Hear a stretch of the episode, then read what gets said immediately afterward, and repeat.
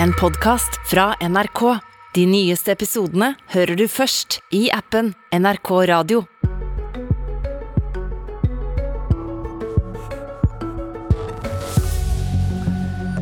Nå kommer de ukrainske krigsflyktningene til oss. Er vi klare? Partiene som ikke sitter i regjering, mener vi allerede er litt bakpå. Over hele Norge er det mange som gjør seg klare nå for å hjelpe de som har flykta fra Ukraina for å berge livet. Vi vet ikke hvor mange som kommer. Vi vet ikke hva de som kommer akkurat til vårt lokalmiljø har gått igjennom, eller hva de har sett. Men vi vet iallfall at de trenger ei seng, tak over hodet, mat, slike ting som de tok for gitt for to uker siden. Og slikt må en jo forberede. God morgen, Kristin Strømskag. God morgen, god morgen. Du er ordfører i Frøya kommune på Trøndelagskysten. Du representerer Høyre.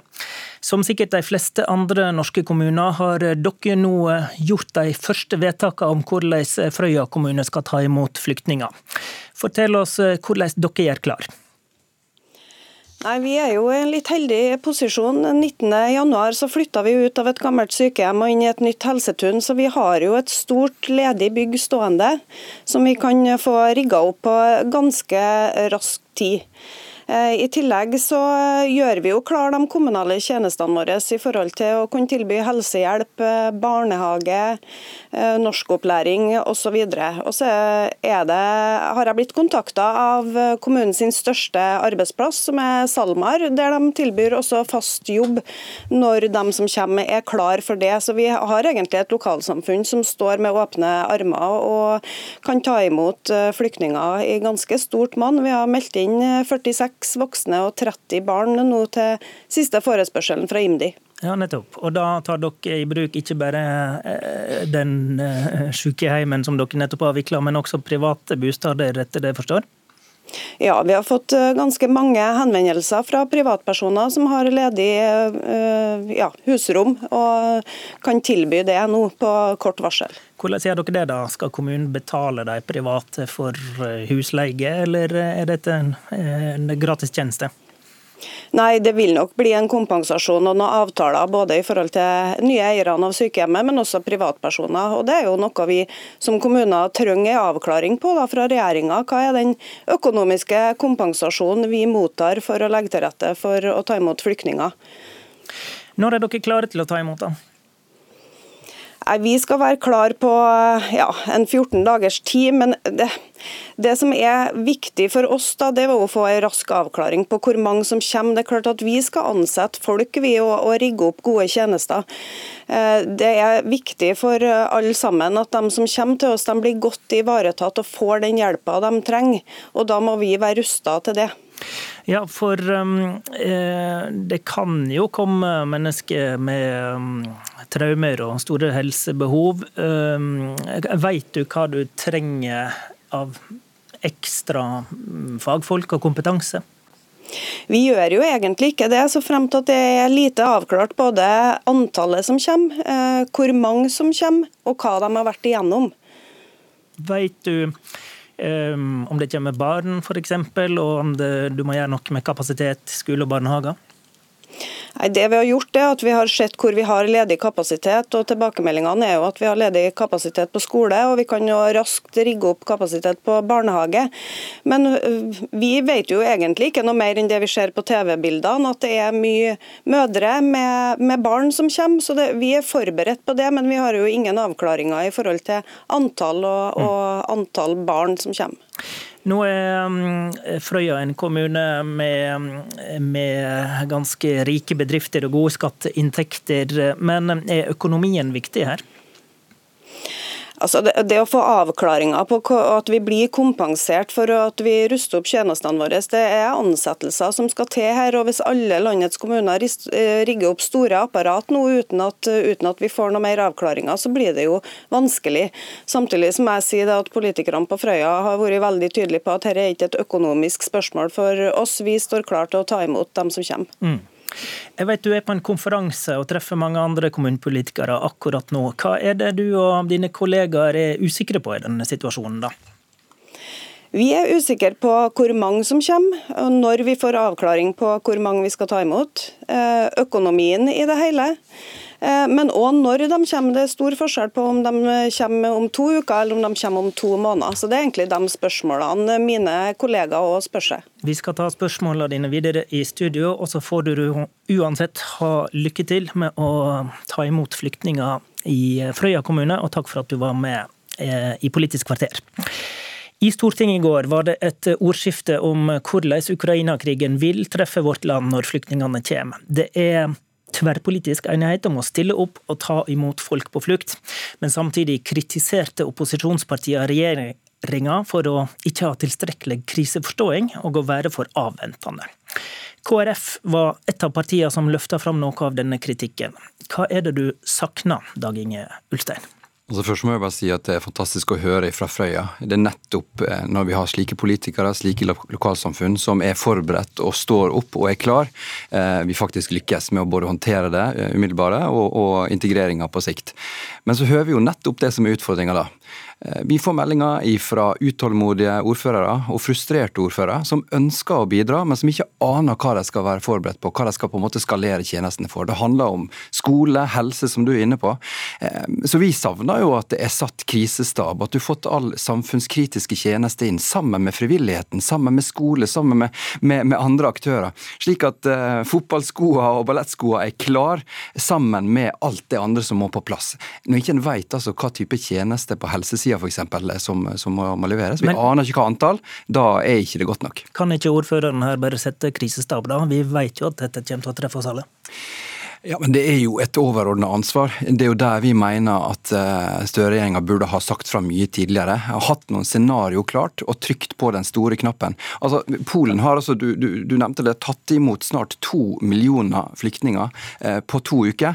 Eh, og Nå har det gått de to ukene uten at vi har henta noen, men det kan komme altså veldig mange på veldig kort tid. Og mange kommuner er ikke forberedt. Ja, Men hva, hva konkret mener du regjeringa bør gjøre for å lette dette? De må sende ut en melding at nå nå må en sette krisestab, en må gi en melding om hvor mange de ulike scenarioene må være forberedt på. Og så må en være tydelig på Kan en vite hvor mange, da? Nei, det kan ingen vite, men det visste heller ikke Moldova, Romania og Polen. Eh, og vi er i en sånn situasjon bedre enn noen til å kunne håndtere det. Altså På økonomiske sida, som vi hørte at det er etterspurt her òg, det er vel et ekstra statsbudsjett, 1700 milliarder vi nå får av økte inntekter pga. krigen. Da burde det første være ut til kommunene, ut til frivillige ideelle og si at økonomien skal ikke være utfordringa, nå skal vi lykkes med det her. Eh, og Det er jo nettopp når du får lokalsamfunn som er forberedt, de samtalene rundt i nabolaget, i det frivillige og kommunene sammen, som på en måte er klar når de kommer, det er da vi lykkes. Så Derfor så haster det. Debatten i Stortinget i går kom etter at justisminister Emilie Enger Mehl hadde redegjort. Eh, Mehl hadde ikke høvd til å stille eh, her i Politisk kvarter, men Else Marie Rødby, du er stortingsrepresentant for Senterpartiet, og talte regjeringa sin sak i ordskiftet i stortingssalen i går. Veit vi noe om hvor mange flyktninger vi må forberede oss på i Norge? Ja, Først har jeg også lyst til å bare si eh, at jeg syns det er også flott at kommunene, sånn som eh, ordføreren vi hørte, står beredt og, og har lyst til å gjøre den oppgaven. Eh, og det finnes mange kommunestyreuttalelser i det ganske land nå hvor man har, sier at man står klar for å ta imot ukrainske flyktninger med varme omsorg. Så til dette med hva vi bør forberede oss på. Vet vi noe om hvor mange flyktninger vi skal forberede oss på her i landet? Eh, jeg tror vi må ha forståelse for at det er mange spørsmål som vi ikke har konkrete svar på nå. Og antallet flyktninger som kan komme til Norge, er en av de spørsmålene. Vi vet at dette er den største flyktningstrømmen antagelig siden andre verdenskrig. Det er mye som er eh, uoversiktlig nå. Eh, og sånn som justisministeren sa i går, det er ikke riktig å peke på et konkret tall akkurat nå, men vi vet at dette blir veldig utfordrende, og at det kan stille store, mm. store utfordringer til beredskapen vår. Men synes du Ulstein har et poeng i at regjeringa kunne gjort det lettere for kommuner og lokalsamfunn å forberede seg dersom en på en måte antyder noe da, på, på omfanget og, og kostnadsdekning, blant annet? Altså jeg forstår at det er et stort informasjonsbehov blant kommunene, som nå både har sagt at de skal gjøre den jobben, og som har ansvar for å gjøre det. Eh, og så er det sånn at eh, man veit ikke konkret eh, når flyktningen kommer, og man veit ikke hvor mange det er. og det, det gjør at situasjonen selvfølgelig blir vanskelig for kommunene, det forstår jeg, men de vil få beskjed så fort som mulig, så fort det er noe konkret i forhold til det de skal gjøre. Men Ulstein, hvis du mener en kunne gjort noe for å skaffe seg oversikt over hvor mange som kommer da, altså i en kaotisk situasjon. Det, det, det, altså det, er jo ingen plan for denne fluktsituasjonen her. Man, mm. og, og, og, det er kaotisk på grensen i Polen, og, og, folk eh, kan eh, nesten trille terning om de går i en buss til Berlin eller om de går til Warszawa. Altså, hvordan mener du en kan forberede seg på å vite mer om hvor mange som kommer til Norge? Når vi hører da, hvor alvorlig det faktisk er i sånn situasjonsbeskrivelsen, så er det jo enda mer graverende da at det faktisk ikke er mobilisert, satt alle kommuner i den modusen. Det må være koordinert. Det må være slik at ordførere vet å ha kontakt med sentrale myndigheter på hva situasjonen er, og hvordan den kan bli, og hva man er forberedt på. Vi hørte jo her eh, fra Frøya at de regner med at det vil ta to uker. Det er ikke sikkert vi har to uker. Ja, ja, det kunne kommet mange flere flyktninger allerede. Hvis... Ja, ja, hva mener du med det? Ja, altså, Polen, de, altså Innenriksministeren Polen sa at de rigga skolen sin for én million ekstra barn neste uke.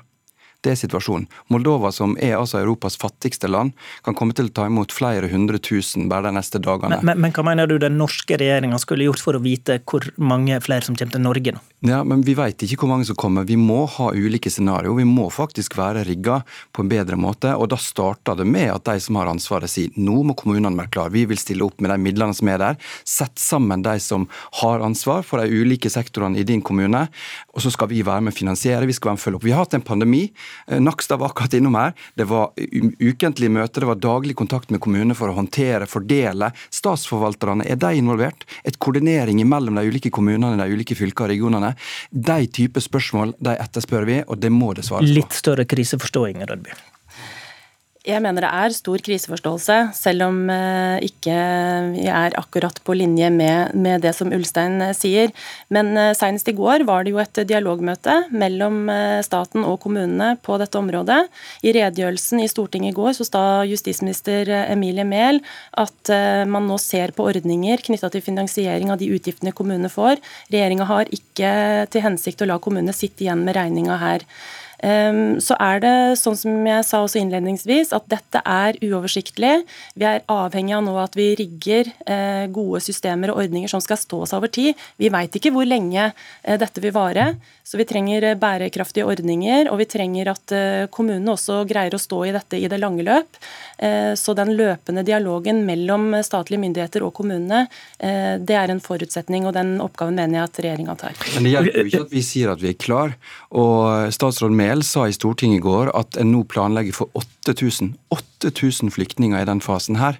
Grunnen til at vi er utålmodige, det er fordi ja, det, det, det, er millioner det, er den første runden med hvor mange asylmottaksplasser som skal komme. Og hun sa at det var et første steg. En, ja, første en, en må vel begynne en plass? Jo, men et første steg, men husk at det er altså millioner på grensen i Romania, i Polen og i Moldova. Det er ikke trygt i nærområdene, sånn som blir sagt. Det er altså flere hundre tusen som trenger helsehjelp. Det er flere unge kvinner og jenter som nå, fordi det tar tid, fordi ikke vi har planene klar, som blir trafikkert, som forsvinner ifra, de, eh, ifra nærområdene. Okay. Eh, og en siste ting, Hvis ikke vi håndterer det og står opp for Polen, så vil de destruktive kreftene som vi ser nettopp i de nærområdene, kunne ta over. og Da vil vi ikke se den enheten som er verken i Europa her hjemme. La, la, la, oss ta, la, oss ta, dette med tallet, for det blir planlagt for 8000 nå. Hvis vi sammenligner med flyktningkrisa i 2015, da kom det én million til Europa på et år. Nå har det kommet to millioner ut av Ukraina på to uker. Eh, i, til Norge i hele 2015 kom det 30 000. Det er vel innlysende at det må planlegges Rødby, for mer enn 8000? Ja, og det mener jeg jo at eh, nettopp som du refererte, at justisministeren har sagt at det gjør. Men jeg tror at i denne situasjonen så er det veldig viktig altså Jeg tror ikke noen av oss sitter med det riktige tallet. Situasjonen endrer seg dag for dag og time for time også. Men det jeg vil si er jo det at når Ulstein nå nevner Moldova, ja, Moldova er til nå det eneste landet som har bedt om bistand, eh, bedt, eh, gitt anmodning om bistand. Regjeringa har sagt at de er positive til å hente folk, men at det må skje på en ordentlig måte. Eh, sånn at vi hjelper de som har størst hjelpebehov først. Og at vi også, for det må jeg si, altså krig og det kaos som oppstår i kjølvannet av det, det gjør jo også at folk som ikke har ærlige hensikter, også kan finne på å utnytte systemet. Så det er jo derfor, med det store volumet og det store antallet, at det er så viktig at vi har ryddige, ordentlige forskjellige ordninger. Og Det tror jeg er til fordel for de som også skal komme til Norge, eh, og at vi kan ta imot dem med orden og varme og omsorg. Vi kan uansett være sikre på at det kommer til å komme mange til vårt land. Vi må forberede oss på det. Det var Politisk kvarter. Programleder Håvard Grønli. En podkast fra NRK. De nyeste episodene hører du først i appen NRK Radio.